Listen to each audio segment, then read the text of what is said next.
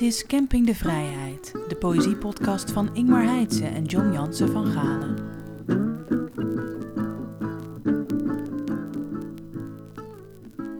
John Jansen van Galen, daar zitten we weer. Ja, goedemorgen in Utrecht. Aflevering 3 Zeker. van Camping de Vrijheid. Donderdag is het weer gedichtendag.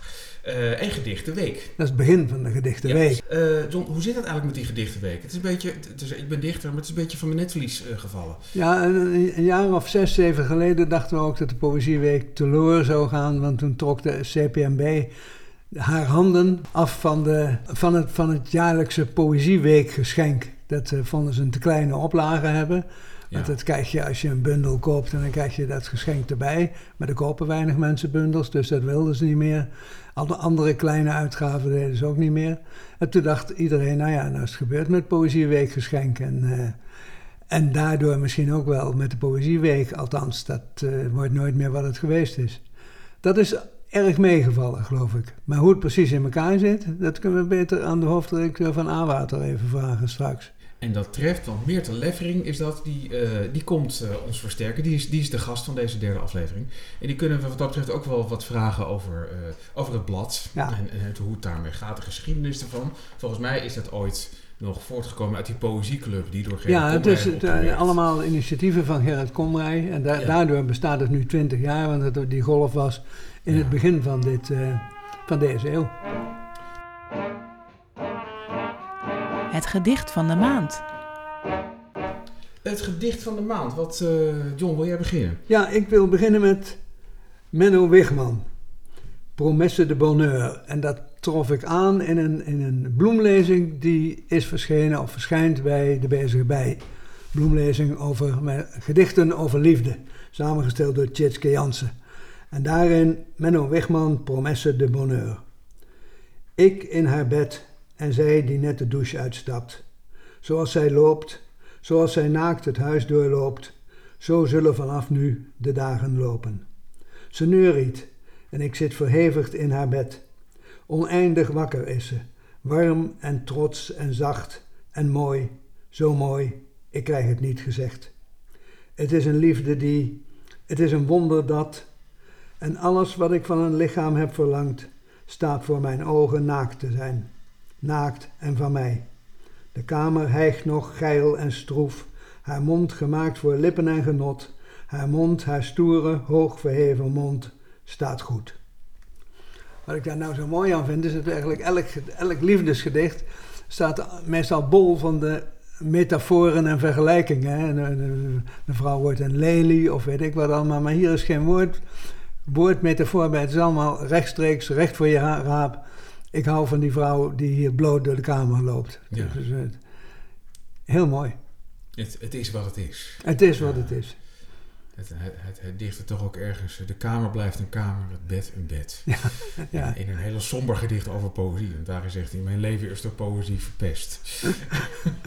Ehm, ja, ik vind het ook mooi. Het is, ook, het, het is inderdaad een mooie benadering. Het is eigenlijk een, eh, inderdaad een, een, een illusieloos kijken naar schoonheid. In plaats van inderdaad er allemaal blo- bloemperken Ja. en, en, en, en, en strijkkwartetten bij halen. Dat is verfrissend. Is die, is die bloemlezing, is dat, is dat wat? Is dat, is dat leuk?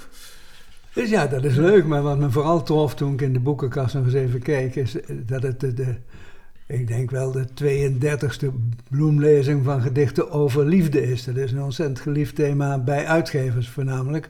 Ja. Waarschijnlijk omdat het beter dan de gemiddelde bundel verkoopt. En dus deze twee thema's, liefde en dood, dat zijn de meest gebloemleesde thema's in de Nederlandse dichtkunst.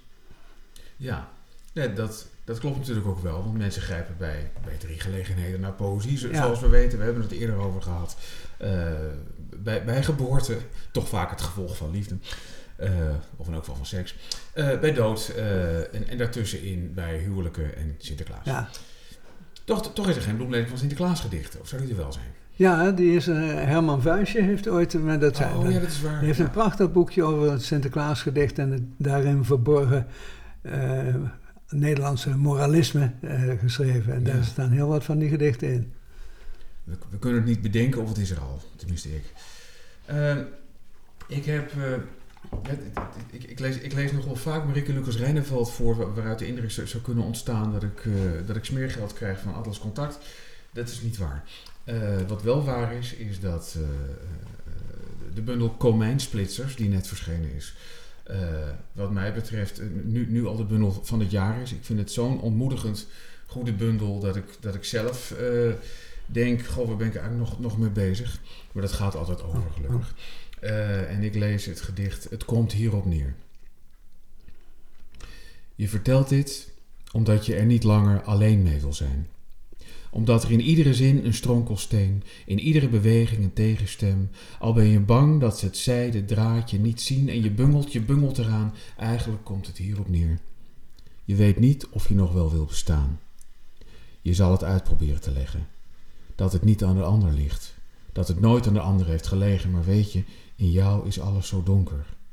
Alsof iemand de aardlekschakelaar uit heeft gestoten. Of klinkt dit misschien logischer? Je woont onder een boom die al het licht heeft ontnomen. Het is een kwestie van groeien, zeggen ze. Groei verdorie toch die boom voorbij, maar je bent zo ontzettend moe. Iedere glimlach een kiezelsteentje in je schoen en je weet donders goed. Deze mededeling staat op de tocht. Kou en rillingen zijn een normale reactie hierop.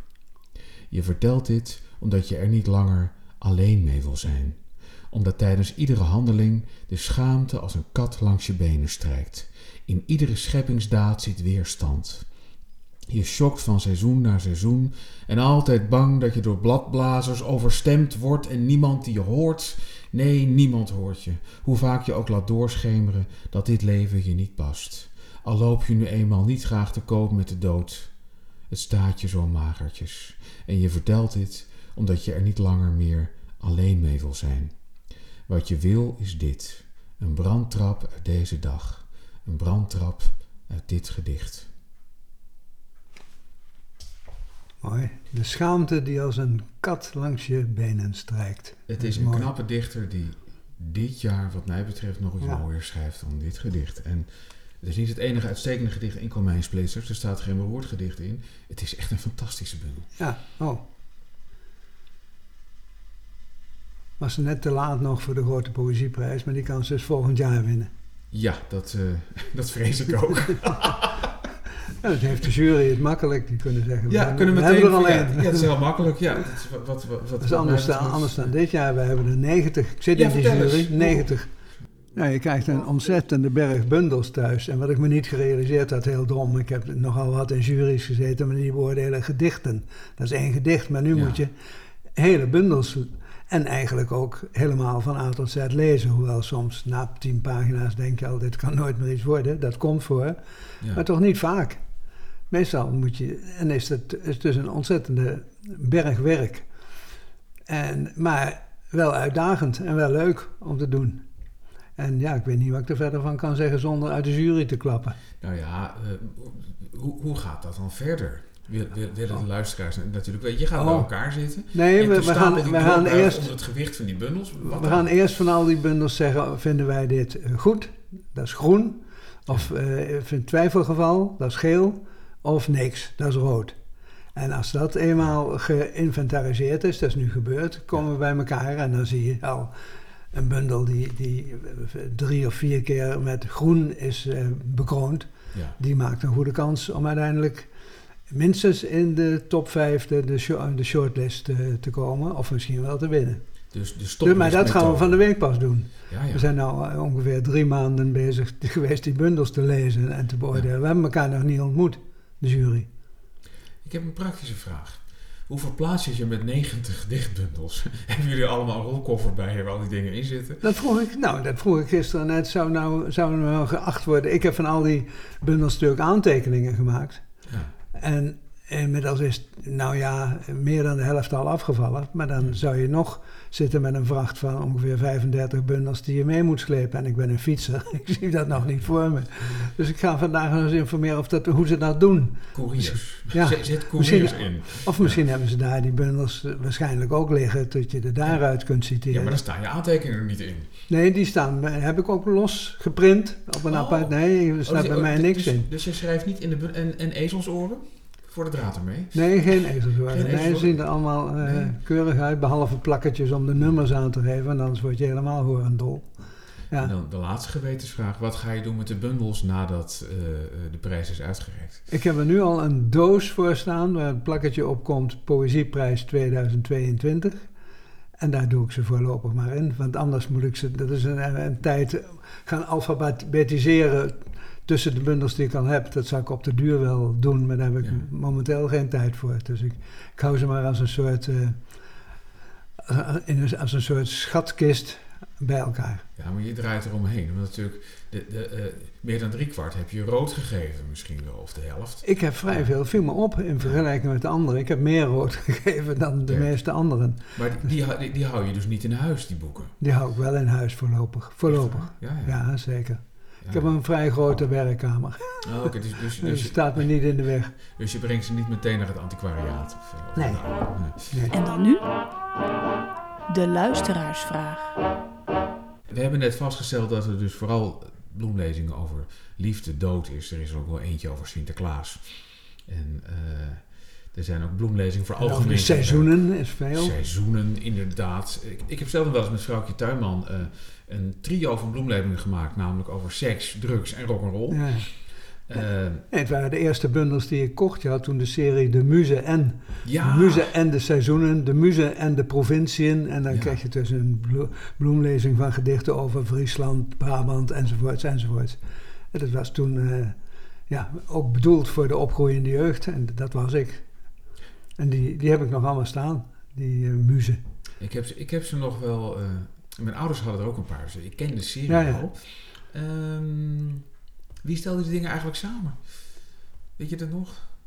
Of, of, of wisselende mensen, kan natuurlijk ook dat, dat het... En, en, en was het, was het, wa- wa- wa- had je indruk dat het goed was? Dat het een goede Ja. samenstelling is? Ja, het, het was anders dan tegenwoordig wordt gedaan, werden er ook middeleeuwse gedichten in, eh, in aangehaald. Die waren Ja. niet gemakkelijk te lezen voor mij als 13-jarige, maar ik vond het wel goed dat ze het zo breed opvatten. Maar die waren toen, toen natuurlijk ook nog niet zo lang geleden als nu. Nee, inderdaad. Het lag net achter ons. Ja. Ja. Dat was nog... Nee, eh, flauw. Maar... ehm, ja, ik, ben, ik, ben, ik ben altijd wel eh, geïnteresseerd geweest in bloemlezing. En ik, kom toch wel op een gegeven moment tot een lezersvraag hoor. De, of tot een Hebben, hebben luisteraarsvraag. de dichters er eigenlijk iets aan? Als er 60 gedichten in staan, krijg je dan 1 zestigste van de Oh, dat verkoopprijs. kan ik wel vertellen. Ja, dat is, dat is een somber rekensommetje, John. Eh, Er blijft weinig over. Eh, ik, ik, krijg- ik krijg eh, eh, eh, een, een, een, nou, tussen de 10 en 20 bloemleesverzoeken per jaar. Via mijn uitgever, die dat altijd een beetje schroomvallig doet.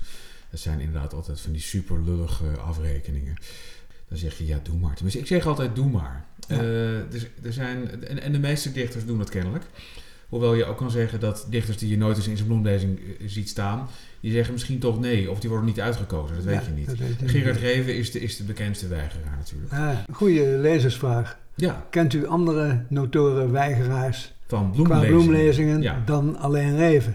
Bloemlees. Nou, ik, ik, ken, ik ken er nog één om het gras voor de voeten weg te maaien. Eh, Joop Visser heeft Oh, altijd ja. geweigerd om Ja, zich op te laten nemen, die bloemlezingen.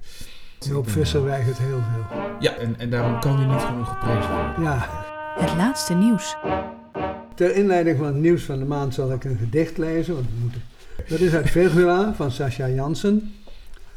En dat is een kort gedicht. En een van de meer toegankelijke in deze bundel.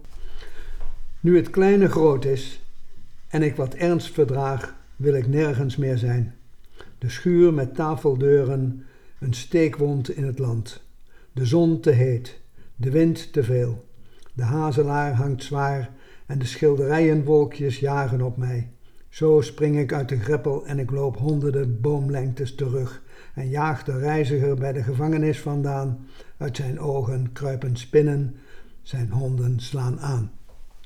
Nou, die, eh, Dat is een mooi gedicht, vind ik. dat is een mooi gedicht. Ja. Dat heb ik ook met enige moeite uit deze bundel gehaald.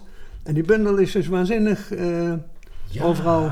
die- het begon, geloof ik, met vijf ballen in de NRC of de Volkskrant. Dat wil ik afwezen. Ja, dat was- En sindsdien Ja. gaat het maar door. Het heet Virgula, dat is een, Virgula is een, eh, ja, wat, wat, wat is het? Dat is een klein een takje Dus Ja. Latijns voor takje. Is, En dat is in- ja, ode aan de komma is het toch? Ja, dat takje is later gezakt en er is een balletje aangekomen en toen is het komma geworden. Maar dat, dat, dat takje werd al gebruikt als, eh, als, als leestekens. Als leesteken. Het, eh, en ja, die, die bundel, ik, eh, ik heb er heel wat mee zitten worstelen, want ik dacht dat dat heeft de zweem van het is mooi en belangrijk. Alleen ik kon er nergens, het kon nergens vat op mij krijgen. Nee. Nee, dat kan gebeuren, denk ik. Dus Ja. ik was heel verbaasd over die vijf ballen. En ook over het feit dat die bundel nu gaat strijken met de Aanwater Poëzieprijs. Ja, Oh, daar heb ik er meer te geloof ik. ja oh, heel goed. Daar waren we net aan toe. De gast van de maand. John en Ingmar praten met een coryfee uit het land van de poëzie. Meerte Leffering, welkom. Dank je. Dichter en hoofdredacteur van Aanwater. Klopt. Moet ik nog meer melden? Nou ja, ik, ben, ik heb allerlei andere rollen in het leven, maar eh, laten Dit, we daar de daarvoor ben luisteraar je- niet mee Voor vermoeien. deze twee ben je hier. Nou, laat maar, laten we maar beginnen met je, jezelf neer te zetten. Lees een gedicht. Lees een gedicht. Oeh, eh, ja. Ik ga eh, uit mijn tweede bundel lezen. De bundel De tere bloemen van het verstand. Ja, Ik heb er briefjes tussen gedaan, dus ik zit nog van de vorige keer helemaal vol. Ehm, ja, het is eh, vrij aan het begin en het is ehm, eigenlijk uit, de, uit het tweede gedicht de rechterpagina. En dat is belangrijk bij deze bundel, want het is eigenlijk één lange vertelling. En dit is de stem van de vrouw die steeds eh, terugkomt. En door de duinen, door de zon beschenen duinen, waar hij is, waar hij is met mij. We zorgen dat we verdwalen, dat de dag ophoudt te bestaan, dat we samen blijven, samen zijn en het glanzende zand in onze halzen en we wachten op de eerste stralen van de zon. Ja. Voilà. Ja. Dankjewel. dankjewel. Zeker. Hij staat ook op, eh, de laatste twee regels staan ook op een eh, veegwagen van de Roodtap in eh, Rotterdam, waar ik woon. Ah, Dus Ja, ik ja. zie hem af en toe voorbij rijden. En dat is net alsof je familielid eh, langs ziet komen. Het is heel gezellig. Thema poëzie buiten het boek hè, van Ja. Kira van der Starre. Klopt, ja. Ja. ja. ik word er altijd heel vrolijk van. Dat is ook, ook, ook voor dichters wel. Dat vind ik weer zo'n uitstekend voorbeeld van zo'n bucketlist item waarvan je niet wist dat je het had. Want wie heeft er een bucketlist? Het, als, totdat je dat ding langs ziet komen. Nou, het was wel echt een, een diep gekoesterde wens die, eh, Ja. die eh, waarheid werd. Ja, echt. En vind je ook dat poëzie daar, eh, daar ook voor bedoeld is? Waar ook voor bedoeld is. Nou, om, om, om letterlijk door, door, de, door de wereld te rijden op een ja, absoluut, natuurlijk. Ja. Ja. het moet eigenlijk overal, eigenlijk op je pad komen vanzelf. Niet allemaal ingeforceerde omgevingen waar je dan dat zelf al moet opzoeken, maar gewoon dat het gewoon er opeens is. Dat is toch Ja. eigenlijk het mooiste. Maar het komt niet vanzelf op zo'n vuilniswagen. Er is een, Nee, nou bij mij, in mijn geval bijna vanzelf. Ik, eh, op een gegeven moment werd mij de vraag gewoon gesteld of ik een paar dichtregels kon aanleveren die mogelijk op een wagentje zouden worden geplaatst. En opeens was het zo. Dus soms gaan dingen bijna vanzelf. en je hebt dat wa- wagentje ook zelf al zien rijden. Ja, en dat is dus het leuke. Dan zie Ja. ik opeens, dan zie ik achter het Centraal Station in Rotterdam, zie ik zo'n heel klein, schattig bezemwagentje. Want meer is het, het is, het is niet zo'n hele grote afvalding. En dan zie ik hem voorbij komen rijden met mijn regels erop. Dan denk Ja. ik, nou, heerlijk. Ja, Van mij. dan is, niet voor niets geweest. Dat is ook een beetje jouw wagentje dan. Dit is eigenlijk mijn wagentje, ja. ja, ik, ik groet hem eigenlijk ook altijd. Maar ik knik alleen, want ik vind zwaaien een beetje te veel. Een beetje, een beetje too much. En, en als, als je dan ziet dat iemand die regels leest, heb je ook de neiging om daarheen te lopen en te zeggen... Nee, nee, nee, nee, dat vind ik heel gênant. Nee, Ja. dat doe ik niet. nee, nee, ik snap wel dat je het vraagt, maar Nee, ik vind het al leuk genoeg als ik, als ik iemand bij wijze van spreken zijn, eh, zijn hoofd zie meedraaien met zo'n ding. Dan, eh, dat, dan is het al gelukt, toch? Ja, zeker. Ja. En wat naast ligt is het nieuwe nummer van Aanwater. Hè? Ja, klopt, net verschenen. Daar Eh, ben je hoofdredacteur van. Sinds ja, wanneer? sinds, eh, nou, dit is het tweede jaar nu, eh, Oh. officieel. Ja, ik was al of- onofficieel een beetje eerder die eh, rol eh, aan het vervullen. aan het vervullen eh, bij gebrek aan een, op- een, hoofdredacteur die dat wil- nog wilde doen. Hoe, en ik- hoe, hoe word je officieus en later officieel hoofdredacteur? Ja, nou, ik zat, ja, ik zat inderdaad ehm, in die tijd al... ik was al jarenlang verbonden aan A-Water. Eerst als, ehm, hoe heette dat? Redactieassistent. Ja. En later eh, heette dat eh bureau-redacteur. Ik deed steeds ongeveer hetzelfde, maar Ja. Het, eh, het- ja. dat was toch een soort promotie in naam. Ja. En uiteindelijk heb ik natuurlijk een aantal, of nou, een flink aantal hoofdredacteuren meegemaakt. Dus ik wist heel goed wat een hoofdredacteur allemaal te doen had. En ik merkte ook dat het soms helemaal niet handig is dat twee mensen, dat en een hoofd en een bureauredacteur, zich over ongeveer dezelfde dingen buigen. Nee. Dus toen op een gegeven moment Marijn Schippers stopte, dacht ik, ja, nu moeten we iemand anders vinden. Ehm, maar dat bleek niet zo makkelijk, want het is best een hele grote taak. En gewoon in Ja. tijd. Het kost heel veel tijd.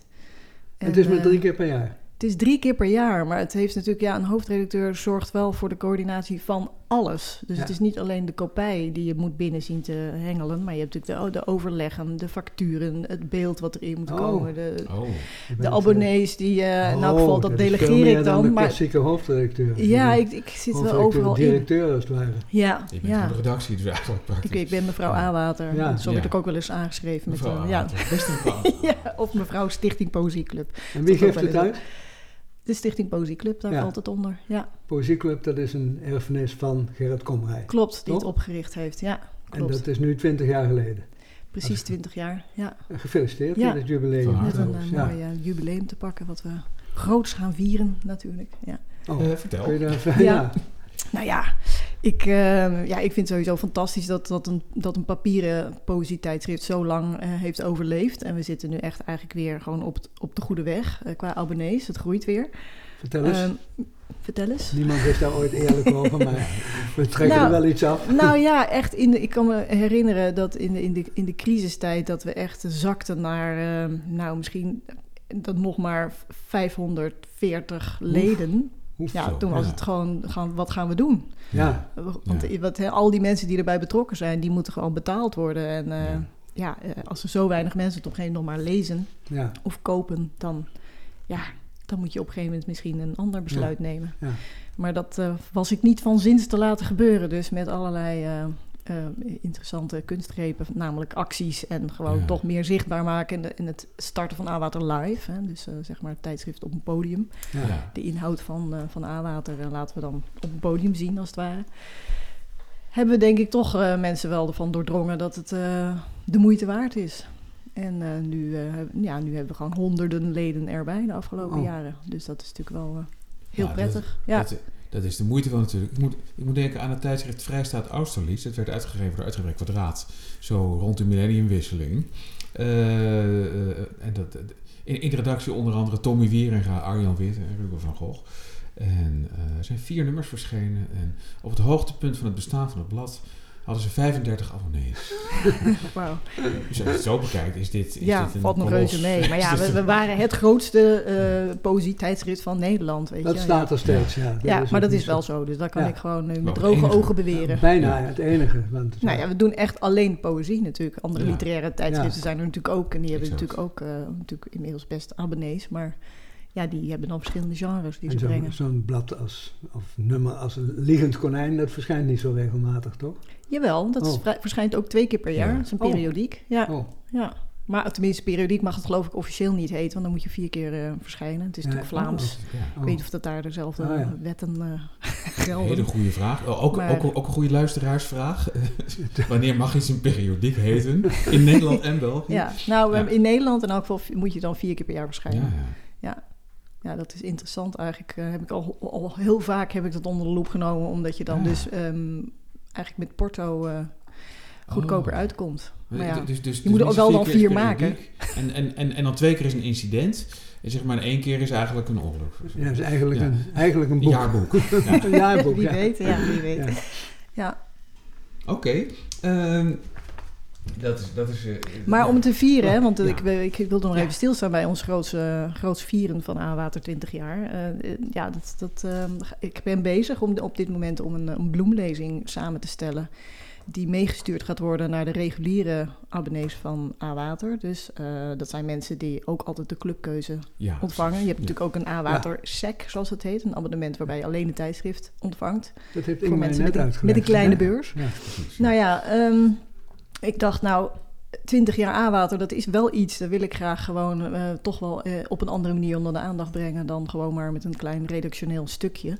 Dus eh, heb ik 20 dichters gevraagd, 10 mannen, 10 vrouwen. blijf het wel eerlijk verdelen namelijk, die de afgelopen twintig jaar in de rubriek nieuwe, Nieuw Werk hebben gestaan om een gedicht te schrijven.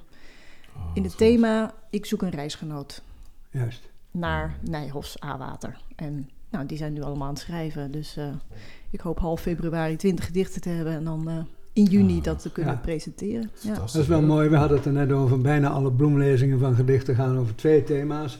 Liefde of dood. Ja. Dit is dus Nou, gelukkig ik dacht, eh, laten we dat eens even voor dit feestje. Laten we, de liefde Ja. zou nog wel kunnen, maar inderdaad. Nou, we hebben echt hele mooie namen. Ik heb, eh, ehm, nou ja, mag ik een paar noemen? Dat is Ja, wel leuk, hè? Om Even noem- vast een beetje een noem teaser. ze allemaal. Noem ze allemaal. Ja. Nou hier komen ze hoor. In Ja. eh, willekeurige volgorde overigens. Dat wil zeggen alfabetisch. Niet zo willekeurig. Dus, Nee, in ieder ik, geval nee, ik zie ja. van mijn oog valt erop. Ik heb het gewoon hartstikke geordend. periodieke volgorde. Ja. Ik ben een, eh, ik ben een geordend mens namelijk. Geweldig. Hier komen ze Pieter Boskma, Daan Doesborg, Helene Gelens, Eva Gerlach, Jan Glas, Annemieke Gerrist, Luc Gruwe, Julian Holtrichter, Peter Holvoet Hansen, Sascha Jansen, Marije Langelaar, Delphine Leconte, K. Michel, Neeltje Maria Min, Ilja Leonard Vijver, Hagar Peters, Alfred Schaffer, Lans Stroeven, Florence Tonk en Nagum Wijnberg. Dit is inderdaad een fantastische lijst. Lekker toch? En dat zijn ze dus nog niet eens allemaal, want Ja. ik moest kiezen. Dus ik heb het pro- geprobeerd, en ook vanaf 2004, uit alle jaargangen eh, iemand te kiezen.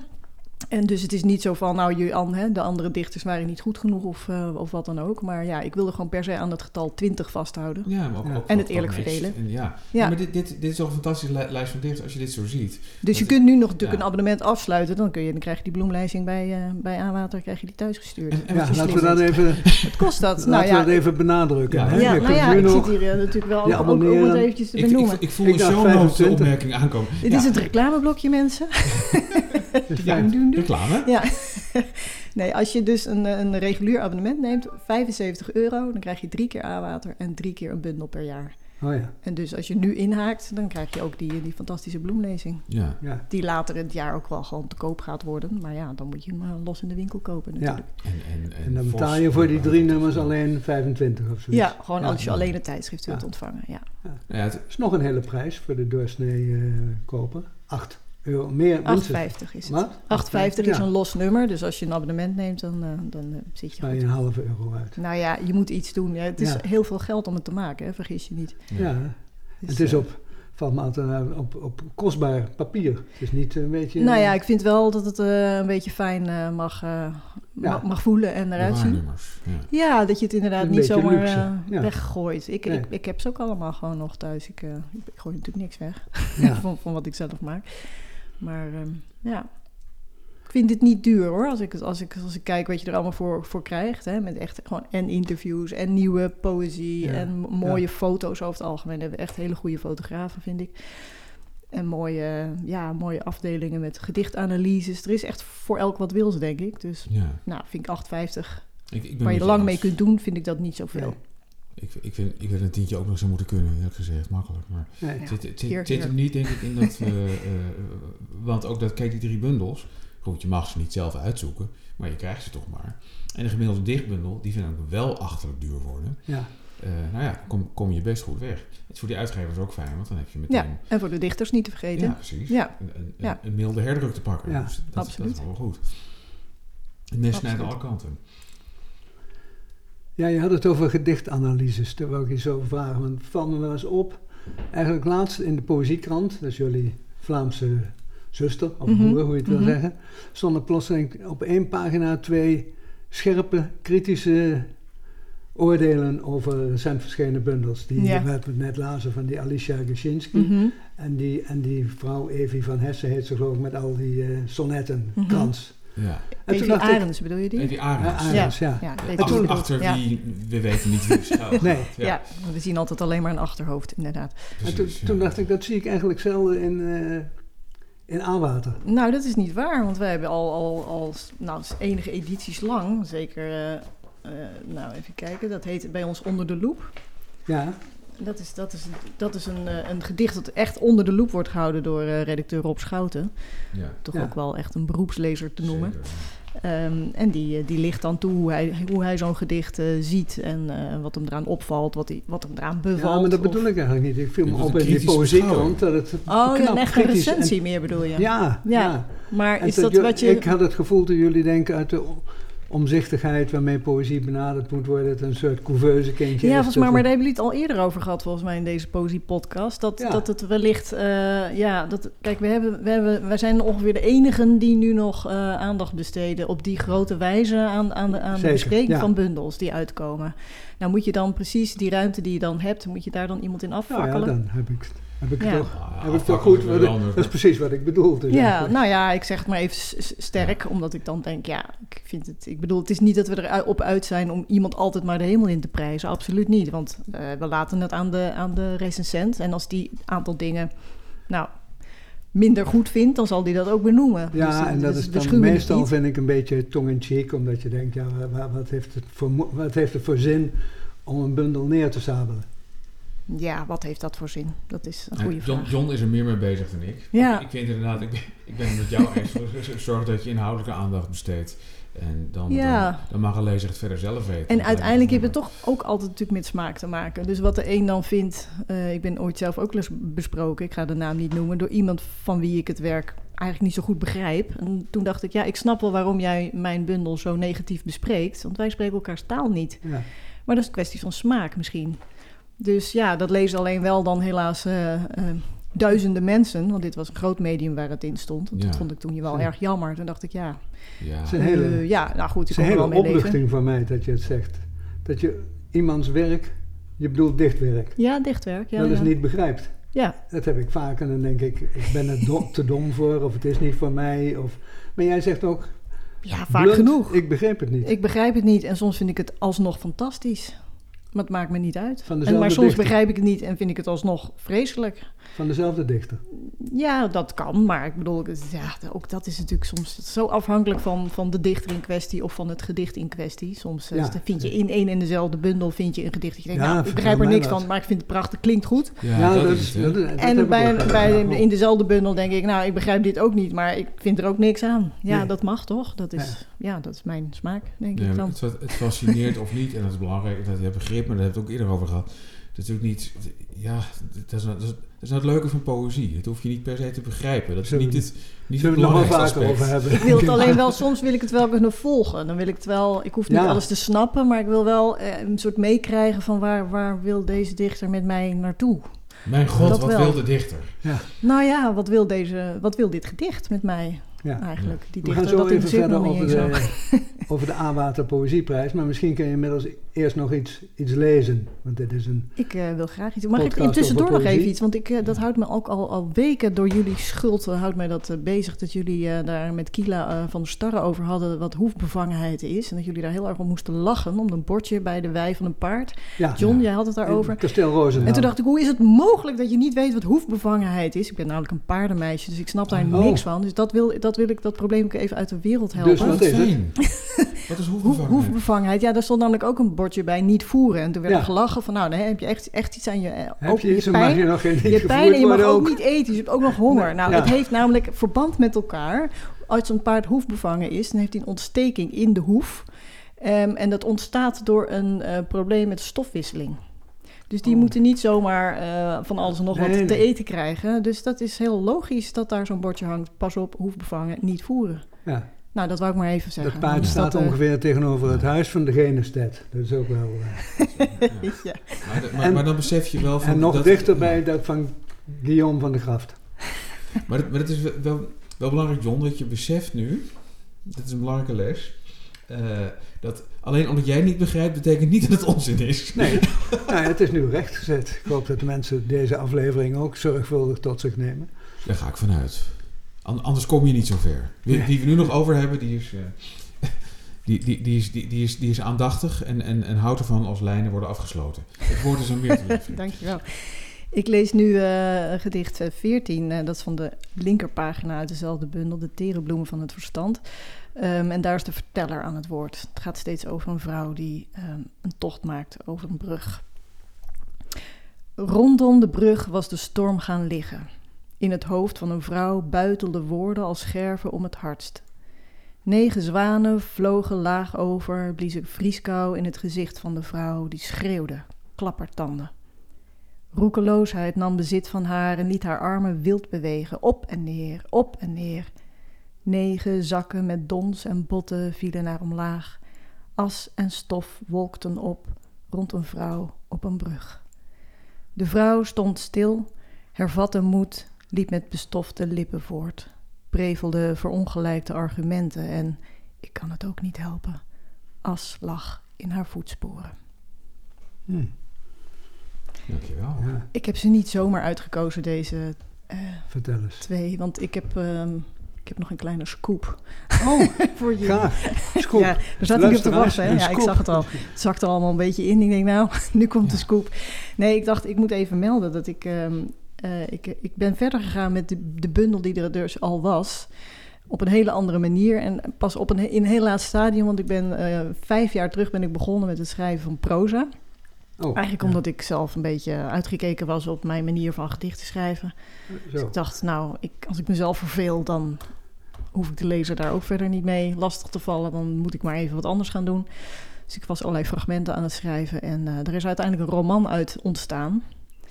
Ehm, ja, eigenlijk gewoon een verhaal over twee zusters die iets heel traumatisch meemaken in een huis in Frankrijk. En ehm, elkaar je dan daarna jarenlang niet zien. En natuurlijk komt er dan op een gegeven moment dat ze elkaar weer terugzien. En toen had ik dat verhaal af en dacht ik, nou ja, leuk, dat staat dan nu op papier. Maar ik dacht, hoe zou ik dit eigenlijk als dichter hebben opgeschreven? En toen ben ik eigenlijk van elk hoofdstuk heb ik een gedicht gemaakt. En daar kwam een dichtbundel uit. Ehm, en toen dacht ik, ja, nou staan al die gedichten daar. Dat is ook wel aardig. Maar wat heeft dat nou eigenlijk met de rest dan van wat ik gedaan heb te maken? En toen ehm, heb ik dus alle gedichten heb ik een, voorzien van een soort motto. Eh, Ja. En elk gedicht heeft nu twee regels. Zo, zo, zoals het er nu uitziet, want het is nog niet gedrukt. Ehm, twee regels uit deze tweede bundel die ik heb gepubliceerd. Zo heb ik geprobeerd weer een nieuwe laag, een nieuwe lading aan het een en ander te Ja. geven. Dus ik heb, eh, als jullie straks willen, nog een, eh, een, een nieuw gedicht uit het tweeluik Wulk, wat dit najaar gaat verschijnen. Nou, dat willen wij wel. Hè? wel. En wel nu. Hmm, En wel nu. Ga ik even kijken, dan moet ik even de goede versie hebben, dat jullie snappen wat, wat het verband is. Ehm, ja, dat is dan meteen eigenlijk het eerste gedicht. Want de roman heet Vallen en eh, de dichtbundel heet Opstaan. En ze Ja. heten allebei Wulk. Want het is een tweeluik. Dit is het eerste gedicht uit de dichtbundel. En het motto daar is: En we wachten op de eerste stralen van de zon. Zo lang al dat ik je niet zie, niet spreek, terwijl ik weet wat er tussen ons, dat we ooit weer. Waarom zou je anders? Ik hoor je niet, spreek luider. Laten we de zomer vergeten, zomers met moeders die niet over de drempel komen met hun warmte. Laten we spreken over winters waarin we staarden door onze koude ruiten. Open je mond, spreek luider. Wat Prachtig. Ja, prachtig. En wat een goed nieuws. Nou ja, Ja, ik was er geweldig. zelf ook wel eh, verheugd Ja. over. Ja, het komt uit bij uitgeverij De Meent. Eh, Ook een nieuwe Rotterdamse uitgeverij. En eh, Oké. eh, ja, vind ik eigenlijk ook wel verheugend nieuws dat er nog uitgeverijen starten Opge- in deze tijd. worden, Ja. ja. Dat is, ja, dat is inderdaad... en zeker in Rotterdam, waar ze schaars zijn. Ja. Is dat waar? Had ik Ja. nooit gerealiseerd. Ja. Ja, het meeste zit in Amsterdam. Ja. en eh, een enkele zit dan in, eh, nou ja, misschien Groningen of zo. Maar Ja. Ja. Ja, Ja. Utrecht is ook niet, niet extreem bemeten. nee, hè? Nee, nee. eigenlijk ook opvallend voor, Ja. voor zo'n grote Vroeger stad met toch veel dichters. allemaal- Ja, dat is allemaal... Zijn allemaal teloor gegaan. Vroeger had je in Rotterdam toch Ad Donker en zo. Is- Ja, ja, en, Ja. nou ja, uitgeverij Douane, die Ja. is ook gewoon net ter ziele. Ze is ook Ja, ja. gestopt. Dus eh, nou ja, gelukkig is er dan weer een ander initiatief gestart. Want ja, ik was Ja. net zo blij dat we ook een beetje mee mochten spelen in, de, in de uitgeverwereld. Ja. Ja. Ja. ja. Nou, ze- nou, zeer benieuwd. Ehm Ton, je wou nog iets weten, geloof ik, hè, over, over die prijs. Ja, want toch- we hebben het over die Ja. aanwater poëzieprijs gehad. En we Ja. kwamen er niet helemaal uit Dus eigenlijk turven en, en, en, en we begrepen pas helemaal op het einde. Oh, zo hoe die in elkaar zit. Kun, je- kun je dat eens uitleggen hoe dat precies werkt? Ja, ehm, het punt is dat, ehm, ja, dit is, dit is niet helemaal mijn expertise hoor. Dus ik, ik volg dit altijd eh, van, van de zijlijn. Want ja. Vicky Franke, onze redacteur, en voor, voorheen Thomas Meulman, die de Aanwaterpoëzieprijs eigenlijk eh, in het leven heeft geroepen. Die, eh, die nemen dit altijd onder hun vleugels. En Vicky Franke die schrijft dus ehm, eigenlijk alle medewerkers van Aanwater van het afgelopen jaar aan om hun top 3 aan te leveren. Oh ja. Ehm, en hè, dus die moeten dan top 3 maken, waarbij nummer 1 drie punten krijgt, nummer 2 2 en nummer 3 één punt. Ja. En dat allemaal levert een eindscore op. En dat van al die mensen wordt samen opgeteld. En daar komt dan een winnaar uit. Ehm, ja, ik zit even te kijken of ik daar nog iets verder over moet, Nee, eh, moet zeggen. alles. Maar dit is volgens mij de, de, toelichting eh, die misschien eh, jullie eh, ja. Nou, snap ik wij begrijpen dachten- hoe het werkt. Wij dachten even, het va- vaakste als nummer 1 was genoemd Lieke Marsman. En op één na het vaakste Sascha Jans. En toch heeft hij gewonnen. Maar dat komt dan omdat hij meer tweede prij- prijzen Nou ja, alle heeft. punten bij elkaar maken dat je gewoon Ja, ja. dat je Ja. ja. Nee, dat is nu wel duidelijk.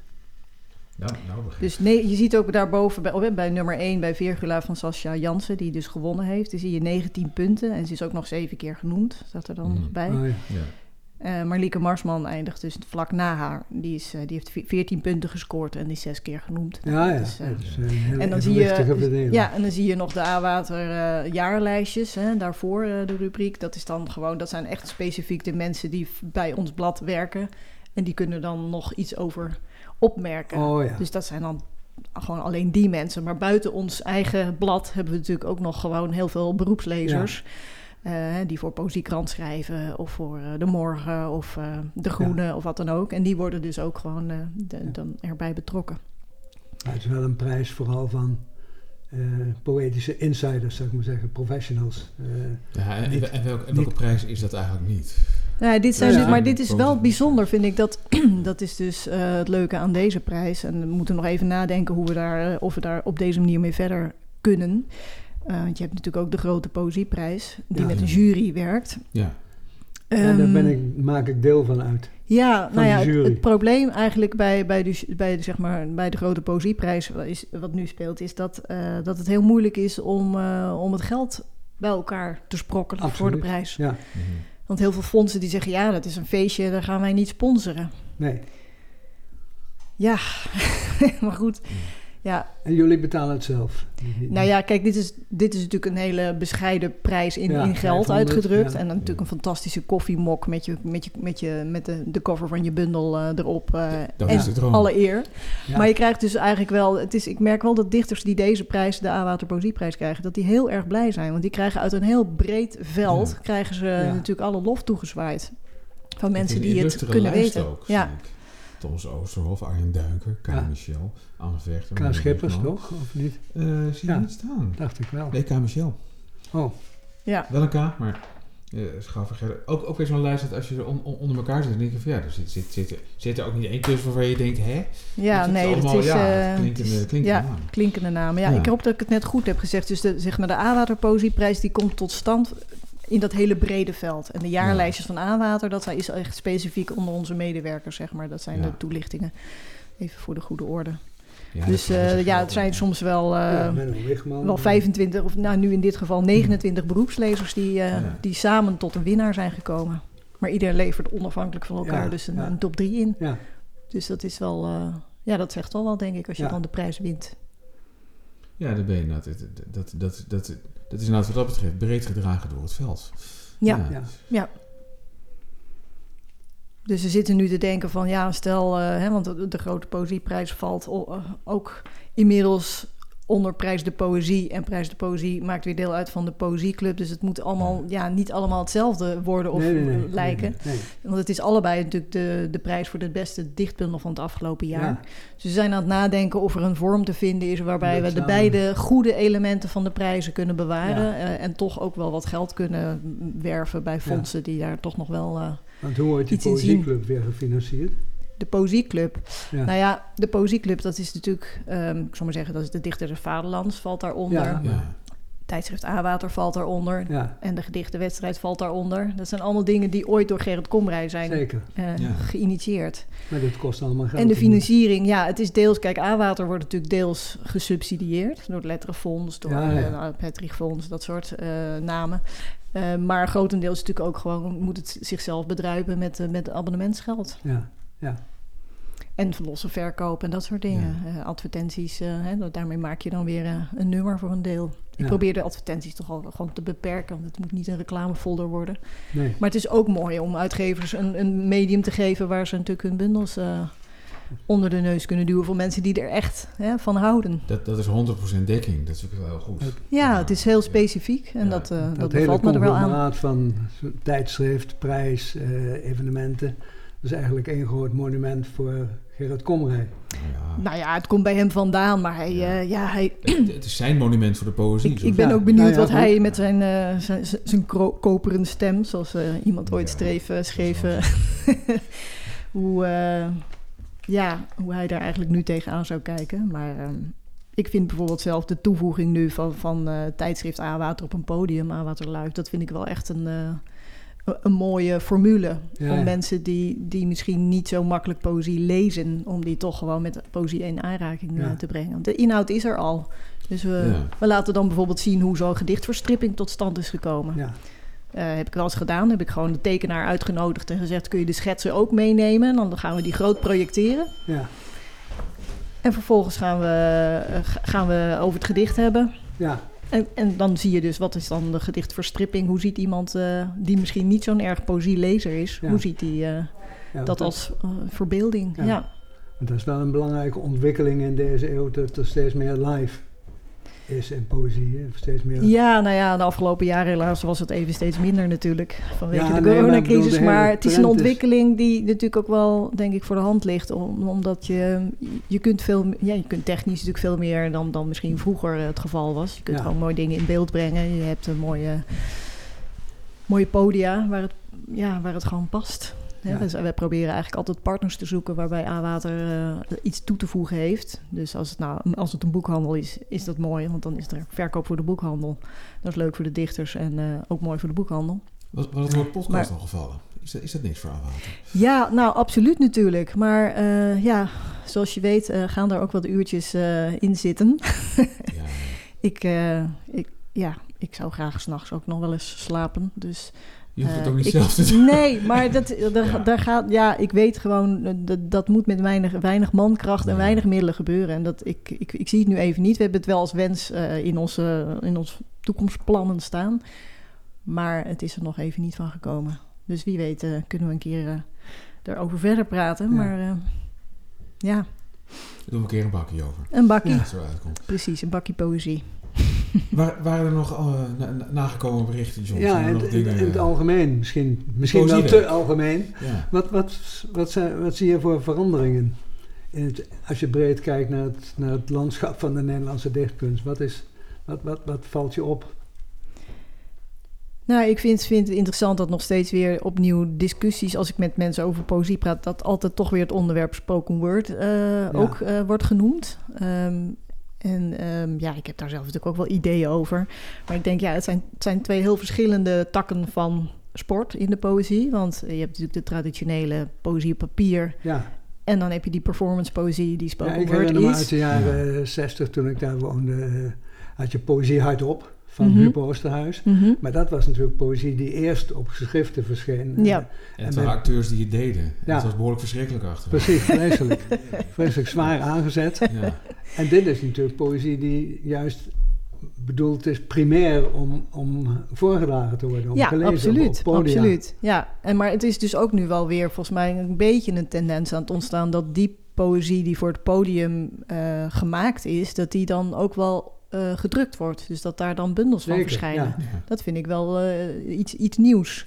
Wat Eh, mij ja, opvalt. Dat, dat is nieuw. Hoewel ik graag in het midden breng dat we met Poetry Slam hebben we dat ook gezien. Dat begon eigenlijk ook als een, als een circuit voor dichter performers. En werd al heel snel een springplank voor jonge mensen die zich daarmee in de kijker speelden. Die ook goed konden performen. Mhm. Maar meestal als ze dan een uitgever en een contract hadden, stopten ze ook met slammen. Ja. Vaak Ja, ook ja. als, als kampioen waren geworden. Maar zou dat dan hand in hand gaan? Dat op het moment dat je papier verschijnt, dat je dan dat, dat dat dat slammen dan minder... eh, ja, dat vraag ik me We, af. we zouden ze moeten vragen, maar het is wel zo dat ik, dat ik, dat ik eh, altijd het idee eh, heb gehad omdat mensen alleen maar in hun eigen termen over dingen na kunnen denken. En ik dus ook. Dat toen ik zelf begon, had je zeg maar de zondichtmiddag in allerlei cafeetjes van Harderwijk tot, tot Rotterdam en Den Haag en overal. De café Averechts in Utrecht. Dat, was, dat, dat is de tweede helft van de jaren tachtig. En dat, dat was in feite een circuit wat ik erg vond lijken op het begin van de slamcircuit. Ja. Het is later, hebben die slammers het beter aangepakt. Het voordeel van de poterslam is alleen al dat er, dat er een bel afgaat als je over je tijd gaat. Dat had mij in mijn eh, eerste 15 jaar van mijn dichtschap veel tijd bespaard. Want Mm. er is wat eh, af, afgekleesd op die, op, die, op die podia door, door plaatselijke Ja. helden. Maar het Eh, ziet er toch naar uit dat spoken word dichters het soms toch wel prestige vinden als hun bundel ook in druk verschijnt, hun gedichten in druk verschijnen. Dat het een soort, soort van een stapje hoger is naar erkenning. Ja, dat, ja misschien is dat zo. Ik weet het niet eigenlijk. ehm. ik, ja, ik vind het ook dan altijd wel moeizaam als bij wijze van spreken dan, dan ehm, recensenten die traditionele poëzie eh, bespreken, dat die dan eh, zo'n bundel ook eh, gaan lezen en bespreken. Want Ja. ik denk dan, wat he- hebben die, hebben die dan... Ja, die gaan dat eigenlijk langs de, de meetlat van de traditionele poëzie leggen. En volgens mij Ja. is dat niet helemaal Nee, eerlijk. Nee, nee. dat, dat, dat is niet eerlijk, maar het is wel dat zodra iets als een bundel wordt gepresenteerd, mag je het ook als een bundel lezen. Ja, dat ben ik met je Eh, eens. maar het Ja. helpt als Maar ik vind het ook altijd een beetje, denk pakt. ja, dit, dit is volgens mij niet helemaal de manier waarop we dit misschien moeten doen. Daarom vind ik die nieuwe prijs van de Johnny ook wel heel eh, tof. Dat dat Ja, gewoon weer, eh, ja, ja, toch weer is her, herstart. Dat, het, dat je op je, op je performance poëzie wordt beoordeeld. Ja. En niet zozeer op eh, hoe, het, hoe het op papier staat. Want dan mis je toch wel Ja. degelijk eh, dat optreden, denk ik, en de voordracht van iemand. Ja, het is grappig, want er lijkt inderdaad een soort tweedenk te, te blijven voortbestaan, terwijl het tegelijkertijd steeds meer, meer dan vroeger een tendens is te zeggen van ja, maar als iets op een muur gekalkt wordt eh, en een gedicht is, dat is ook een manier van publiceren. Mhm. Je moet het allemaal samen onder, onder, onder poëzie vatten. Maar het, ja, alleen die, die, die, die muurteksten worden niet besproken natuurlijk. Nee. Nee, dan kom je niet in de Eh, NRC. Nee, nee, precies. Dus Er is, er is geen kanon in natuurlijk. Ik denk, ik denk, ik denk dat, dat dat het punt is. Dat, dat, dat wat gekanoniseerd is kun je, kun je laten bespreken door een poëzierecensent. Nou, er zijn er dus nog 29 anderen die daar soort van geschikt voor of die, die, die dat nog kunnen of doen of, of die daar niet te behoord voor zijn. En, eh, ik, kan, ik kan me herinneren toen eh, eh, dit- dit speelt ook alweer eind jaren 90 dat je Double Talk en Double Talk 2 had. Het was zeg maar een, een eh, rap en poëzie werd samengenomen onder leiding van, van een zeer verheugde Gerrit Komrij die inderdaad zei dat het een kruisbestuiving was. Eh, eh, misschien wel enthousiaster dan het misschien was, want ook dat was duidelijk een scheiding der geesten. Die bundels, die, die, die bloemlezingen stonden dus vol bij, met, met, met overnamefouten. Dat is heel slecht geredigeerd. Oh. Al die dichters, het klopt helemaal niet, het klopt helemaal niet. En ze hebben ook aan die rappers die erin stonden gevraagd, boekje, welk boekje? Ja, die, die, het echt helemaal niks. Die hadden niks met boekjes. Of ja, we brengen het toch. ja, We zijn, we, we zijn toch rappers? We zijn, we zijn Ja. dichters? Ja, en, nou, en dat vind ik altijd wel leuk dat heel veel mensen ook eigenlijk niet beseffen wat, waar rap dan eigenlijk vandaan komt, wat het eigenlijk Ja. is. Het is gewoon rhythm and poetry natuurlijk. Ja, dat, ja. Is, dat, is, dat is waarom het zo heet. Ja, Dat vind ik altijd toch wel leuk dat je denkt, oh ja, er, hoort, er zit iets bij de poetry, namelijk rhythm. En dat, dat maakt meteen duidelijk hè, dat het niet alleen maar een, een, een tekst is om te lezen, maar juist inderdaad dat daar eh, ja. iets anders bij hoort. wat, wat, wat dus ook een andere kanon is, zeg maar. Ja, Het, het, ja, het beken- bekendste voorbeeld is, is natuurlijk dat, dat Remco Kampert een keer zegt van ja, die, die, die, die teksten van Def, van, van Def P, dat is als gedicht stelt het in ieder geval voor op papier. En Def P zegt van ja, maar als je Remco Kampert gaat rappen, dan blijft er ook niks van over. Nee. Klopt. wat een goede En het Het is opmerking. allebei waar. Ja, En En het het is is, mij niet erg, want ik vind het toch allebei poëzie.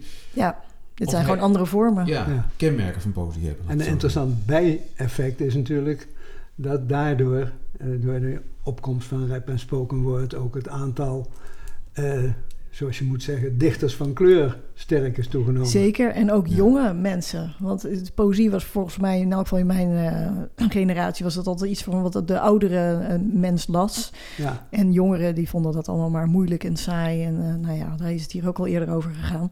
Ja. Maar juist, denk ik, door, door die andere scene, zoals dat dan toch eh, heet, ja, krijg je dat jonge mensen eh, gewoon meer interesse tonen voor poëzie, Ja. het lezen van poëzie. En, en wat ik al eerder terloops zei, eigenlijk in deze eeuw zie je eh, in, in, op het poëtisch toneel een enorme opmars van de vrouw. Ik bedoel, vroeger had je een paar vrouwelijke dichters. Maar nu Mhm. worden alle belangrijke poëtische prijzen bijna door vrouwen gewonnen. Van de laatste drie, de- vier Maar in elk geval, ze doen mee. Ze de doen, Amateur ja. Poëzieprijs wordt Ja. ook alweer weggesleept door...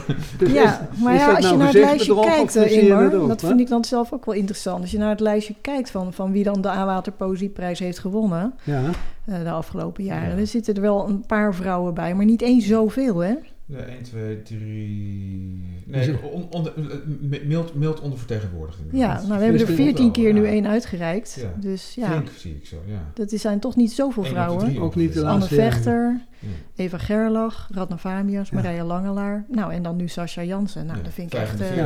Dus dat kan nog wel... eh, dat kan nog maar dat is wel... Nou, dat wil ik ook wel even zeggen. Dus- Onder die beroepslezers. Kun je misschien ook, ook wel even kijken hoe, hoe dat verdeeld is. Ja, nou dat is wel grappig, want ik, ik, ik merk dat ik daar dus wel scherp op ben. Ik ben ook eigenlijk de eerste eh, officiële vrouwelijke hoofdredacteur Ja, van Aanwater in al die precies, ja. 20 jaar. Ja, En ik, ik heb dus eigenlijk er wel een speerpunt van gemaakt om, om onze beroepslezers, dus zeg maar de recensenten Ja. die ik vraag, ehm, om die, heel, die, die bundels heel eerlijk te verdelen onder vrouwelijke en mannelijke recensenten. ja. Ja. Want ik, ik vind gewoon van, dus er zijn er natuurlijk genoeg vrouwelijke Ja, recensenten. En Maar het werd in, in het verleden toch heel vaak een beetje makkelijk van, nou ja, ja nou, die, die, die, weet je, de bekende Ja. namen. ja. dacht ik, ja, maar dat is toch van de gekken dat dan maar, ik zal maar zeggen, vier vrouwen eh, te- tegenover twaalf mannen of zo eh, bundels bespreken. Ja. Dat kan toch niet? Dus dat Nee. is nu echt 50-50. Maar in- Het is eh, ja, de- nu afgelopen. In de grote, Ja. grote, dag, Ja, grote dagbladen heb je natuurlijk Janita Monna en Diewertje Mertens. Dus Ja, dat is ook een, zeker. een- nou, die wordje zit ook bij ons natuurlijk in de pool. Dat zag maar, ik, eh, ja. Zijn, er, eh, zijn er meer hoor. Veel meer. ja. Dus ik probeer dat er me- toch wel gewoon gelijk te trekken. Het is eh, gewoon, eh Maar komt dat ook dat streng in. doordat je kunt zien, daar is ook plaats voor vrouwen, ik durf me ook te manifesteren? Hoe bedoel je dat? Nou, dat, dat, vroeger waren er ook weinig voorbeelden. Nu zou je kunnen zeggen, als je wil dichten als vrouw... Oh ja, niet- nou ja, ja ik denk niet, dat eh, sowieso dat er natuurlijk wat meer, dat er wat meer emancipatie. eh, Ja, precies. Nou, Heeft dat ik niet plaatsgevonden, ja. uitspreken, maar dat ja, is nee, dat zo. is zo. Ja. Maar de- misschien, misschien worden de rijen ook minder gesloten. Het, weet je, je kan wel zeggen van ja, ik, ik durf niet zo te manifesteren als vrouw zijn. Maar volgens mij is het ook gewoon dat je denkt dat, dat, dat, het- dat, dat het nog niet zo heel lang geleden is. Van, ja, maar waar in godsnaam? Al die Ja. uitgevers, allemaal kerels. Ja, Het- Ja, en het gekke is dat dus, zeg maar, alle mijn voorgangers, allemaal eh, mannelijke hoofdredacteuren, Ja. dat die helemaal niet per se de vrouwen er niet in wilden. nee, nee, nee. Maar, het- op de een of andere manier was het een soort, soort gewoonte, denk ik. Een Juist. soort ingesleten iets van namen die steeds maar weer opnieuw eh, circuleerden. En ja, gewoon een soort gem- gemakkelijk. ja, En nu denk ik, ja, je moet dus even opletten op het moment dat je de, de boel verdeelt. Ja. Dat op een gegeven moment dat het gewoon, eh, ja, dat het gelijk moet zijn. Ja, natuurlijk. Dus eh, het is heel simpel eigenlijk. Ja. je moet gewoon zeggen van nou, we hebben eh, Minstens plek voor, ja. eh, ik zeg maar wat, zeven mannen, zeven vrouwen. Nou, dat moet gewoon gelijk. Dus als het eh, poeltje mannen eh, vol zit, ja, dan gaan we, gaan we toch echt niet nog meer mannen erbij vragen. Zo simpel is dat. Ja, ik heb ook niet geteld bij de grote prijs de poëzie. Hoe, er waren 90 bundels. Ik weet niet Ja, maar dat wordt wel dus bijgehouden. Dat is wel interessant. Daar wil ik dus Oh. nog op termijn. Maar nou, ja, ik moet even de tijd vinden hoe, hoe dat aan te fietsen. Maar misschien ehm, of in de oktobereditie of misschien volgend jaar in januari. Ehm, om dan, eh, want er zijn dus statistieken. Hè? Er wordt, Ja. wordt bijgehouden van hoeveel, eh, hoeveel mannen, hoeveel vrouwen, hoeveel eh, jonge mensen. Nou, moet je even kijken wat is dan een jong mens. Maar goed, Ja, dan kun je natuurlijk leeftijdsgrenzen aangeven. ehm. Vlamingen, Nederlanders, dat soort verdelingen. Dat, dat is, daar is dus statistisch over eh, Oh ja? wordt bijgehouden. Ja. Juist omdat het interessant is natuurlijk. Ja, Ja. Ja. Ook omdat ik hoorde dat bijvoorbeeld ehm, Vlaamse dichters... Die, eh, die komen heel graag uit bij Nederlandse uitgevers. Dat Want? vinden zij, nou, dat is een soort statusverhogend. Zij vinden status de- verhogen. ja, ja. dat hoorde ik, hè. Dus het is Ja, niet ja. iets wat ik, wat ik vind of denk, maar dat, Nee, nee, eh, nee. nee. dat schijnt eh, zo te zijn. Ja. Hoorde ik van mijn collega eh. Karel de Strijker, ja. Dus daarom zitten een aantal eh, eh, toch grote Vlamingen zitten bij Nederlandse uitgevers. Ja. Je hebt Ja. natuurlijk genoeg eh, Vlaamse uitgeverijen ook, maar die hebben Ja. blijkbaar minder naam nog. Ja. In eigen land in elk geval. Nog wat te verhapstukken, collega?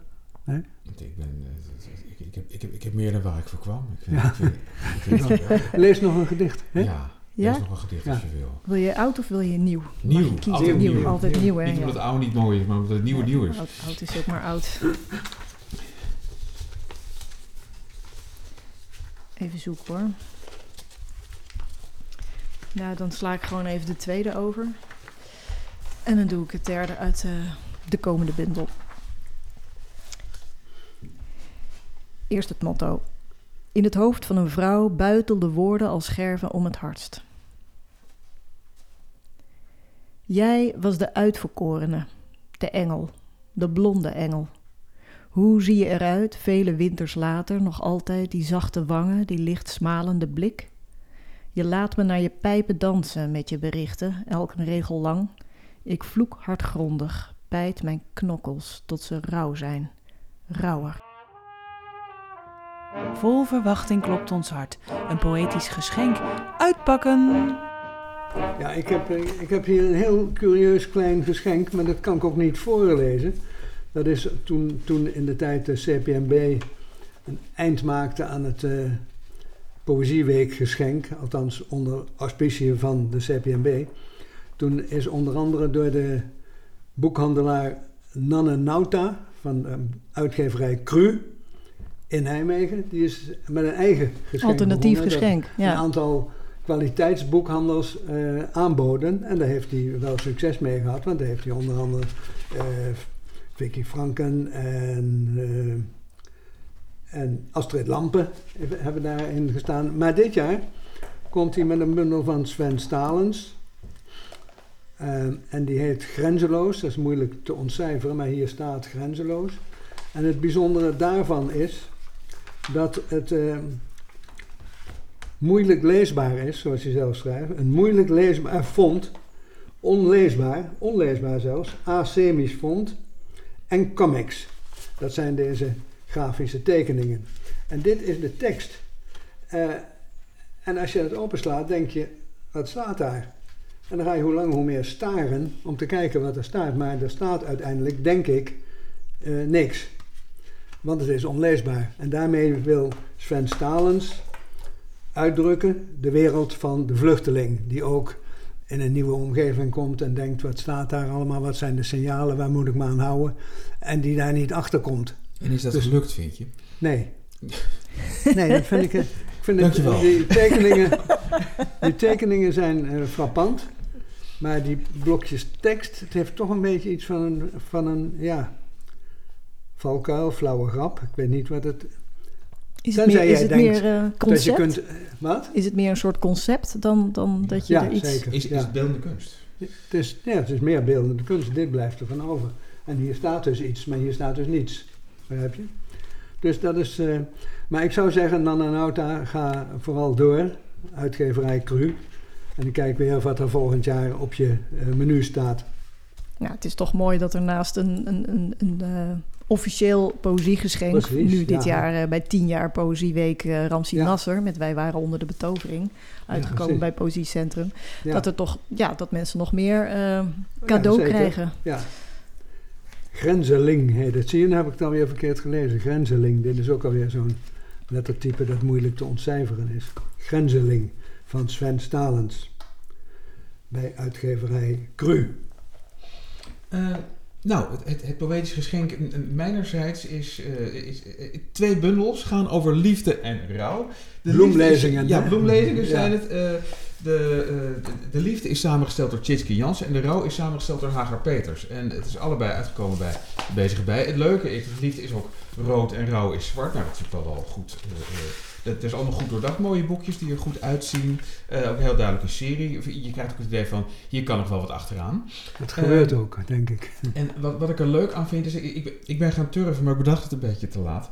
Van, uh, er is eigenlijk niet zo heel veel overspraak. Want je zou denken, ja, als er nou ook nog allemaal dezelfde dichters zijn. Maar dat is niet zo. En dan is de vraag, zit dat in de smaak van de, van de dichters? Hebben ze contact gehad van, nou, er moet niet veel, je moet niet, zeg maar, dat het voor vier vijfde hetzelfde is. want ik denk dat er hooguit misschien 10, 12 dichters van de, nou hoeveel zijn het? Er toch een stuk of 40 of meer, 50. Meer. Uh, uh, Dus die zijn blijkbaar geschikt voor liefde en rouw. Uh, allebei zijn het, het, het zijn natuurlijk, Hagar Peters en Tjitske Jansen zijn allebei de geweldige dichters en zijn, zijn ook hele smaakvolle bloemlezers. en, en dat is eigenlijk ook wat rechtvaardigt dat er steeds weer dat soort bloemlezingen uitkomen waarvan je denkt, Waarom nou eigenlijk? Nou, Steeds ja. bloemlezingen over dezelfde thema's. Ja. Ja, maar, maar, maar wel als het, als het wordt gedaan met smaak. Eigenlijk Ja. is het hetzelfde van... Moet er nou weer zo'n liefdesliedje verschijnen met weer dezelfde drie, vier akkoorden?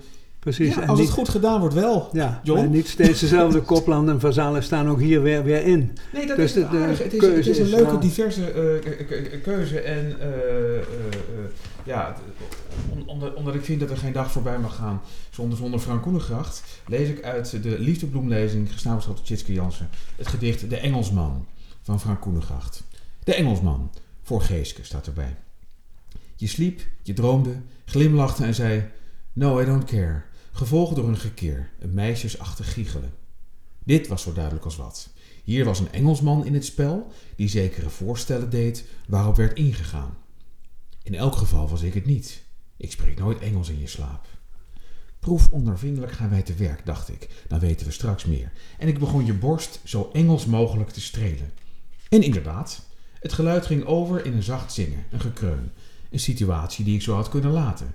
Maar ik wilde zekerheid en wreef over je broekje met dezelfde hand uit Engeland.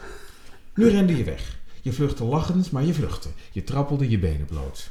Dus onze vriend van overzee was nu te ver gegaan. Dat bleek. Je zuchtte, draaide je om naar mij en zei mijn naam daarbij. En ik besloot je nu maar verder te laten zweven tussen ruimte en tijd. Maar fluisterde nog in je oor: We'll never meet again. Voor alle zekerheid. Ja. Al dus Frank Koenengracht. Eh, zal ik nog even iets, iets, iets, iets rauwerigs doen dan? Eh, oh, dit vind ik leuk. Ik vind, eh, geheel spontaan vind ik, ik, ik, ik ken hem praktisch uit mijn hoofd, eh, een van de weinige gedichten die van Ischa Meijer. Oh ja, ja, dat is prachtig. En dat, dat is Van heel het mooi. Victoriaplein. Ja. Precies, je kent het. Ja. Ja. Sonnet. Soms loop ik s'nachts naar het Victorieplein. Als kind heb ik daar namelijk gewoond. Aan vaders hand zijn zoon te zijn. Op moeders schoot te zijn beloond om niet. Om niet is het dat ik hier ga. De vrieskou in mijn jas laat dringen. Alsof de tijd zich ooit zou laten dwingen. Terwijl ik roerloos in de deurpost sta om thuis te komen. En zo simpel is de gang om tot dit moeilijk inzicht te geraken. Dat ik geen kind meer ben. Dat ik verlang naar iemand die nooit kon bestaan. Een jongetje dat alles goed zou maken. De tijd die stil stond en hem liet begaan. Ja. Nog steeds een aangrijpend gedicht. Dat is een aangrijpend Zeker. gedicht, absoluut. En met deze vrolijke noot Ja. sluiten we deze derde aflevering af. Van- Dit was Camping de Vrijheid, aflevering Camping de. Vrijheid. Meerte Leffering mogen je buitengewoon bedanken voor, voor je komst, al Heel je toelichting, al je geduld en je prachtige poëzie. We kijken ontzettend uit naar eh, de, de bundel, het boek in het najaar bij de Rotterdamse uitgever. Wat was ook weer precies de titel en de uitgever? De uitgeverij heet De Meent. De Mint. En het boek eh, gaat heten Wulk, Vallen en Opstaan. En hopelijk eh, eh, gaat het gepresenteerd worden tijdens het literaire festival Woordnacht in Rotterdam. Dat Laten is dat eh, hopen. 28 oktober. De Meent, dat is een, een weide, hè? Ja, Ja, ja, waar de mensen vroeger samenkwamen. precies, de dorpsweide. Ja. Klopt. Dit was Camping de Vrijheid. Namens Ingmar Heidse en John Jansen van Galen. Tot de volgende aflevering. Ze stommelen er rustig uit.